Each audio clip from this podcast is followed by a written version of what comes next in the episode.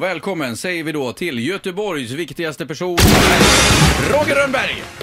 Tack så mycket. Roger är alltså, eh, ja precis, han är head coach eh, för Frölunda Indians här. Och det har varit sommar, det har varit eh, jättetråkigt.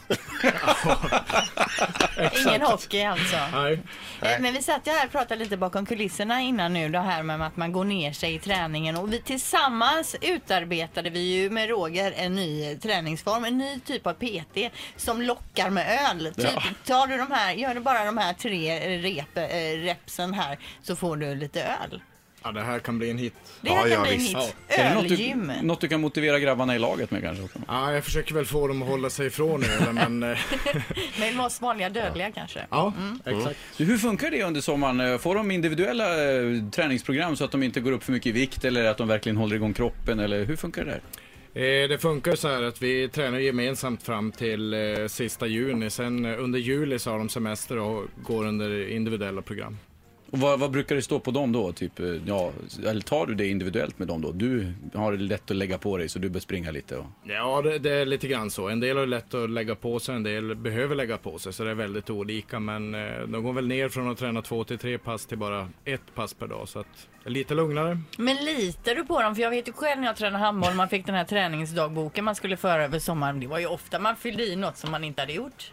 Ja, så är det väl. Men eh, litar, ja, det, det, till viss del. Men vi, vi kör ju tester både före och efter sommaruppehållet. Så att eh, visst litar jag på dem, men vi, vi testar ändå. Men framförallt de här testerna efter sommaruppehållet, de är väl uppbyggda på det sättet också att den som inte har skött sin träning ska få- det riktigt jobbigt Ja, så enkelt är det. och må dåligt. Ja. Ja. Men kör ni så riktig sån här gristräning nu inför?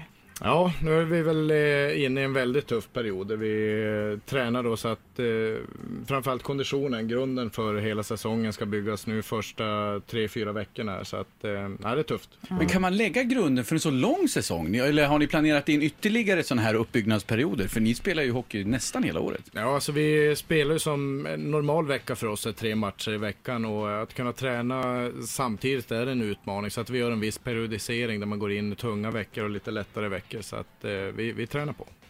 Vad, är, vad är det som spelas nu? Det är träningsmatcher och det är CHL nu på torsdag. Ja, på torsdag börjar vår tävlingssäsong med CHL, då Champions Hockey League, där vi börjar mot ett brittiskt lag. eh, Som ni inte känner till. Nej, vi känner inte till eh, något mycket mer än att vi vet att eh, det är många kanadensiska spelare, många spelare som har många utvisningsminuter historiskt. Så att det kommer nog bli en ganska tuff match. Ja, och de skickar hit en klack som de förra annonserade på 500 pers ungefär. Och ni vet ingenting om den klacken heller.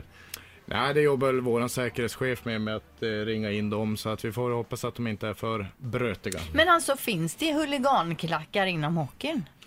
Ja, det, det gör det ju. Det, definitivt. Men vi är väl förskonade från det här i Göteborg. Vi har ju väldigt eh, fina fans här. Men är, hur ser det ut i resten av Sverige då? Jag, jag tycker mest man hör talas om fotbollen jämt. Nej, men det är väl mest ett problem de har i Stockholm eh, än så länge och det är vi förskonade för i övriga Sverige. Men hur ser det ut i SHL då? Vilka lag kommer vi se i toppen i år?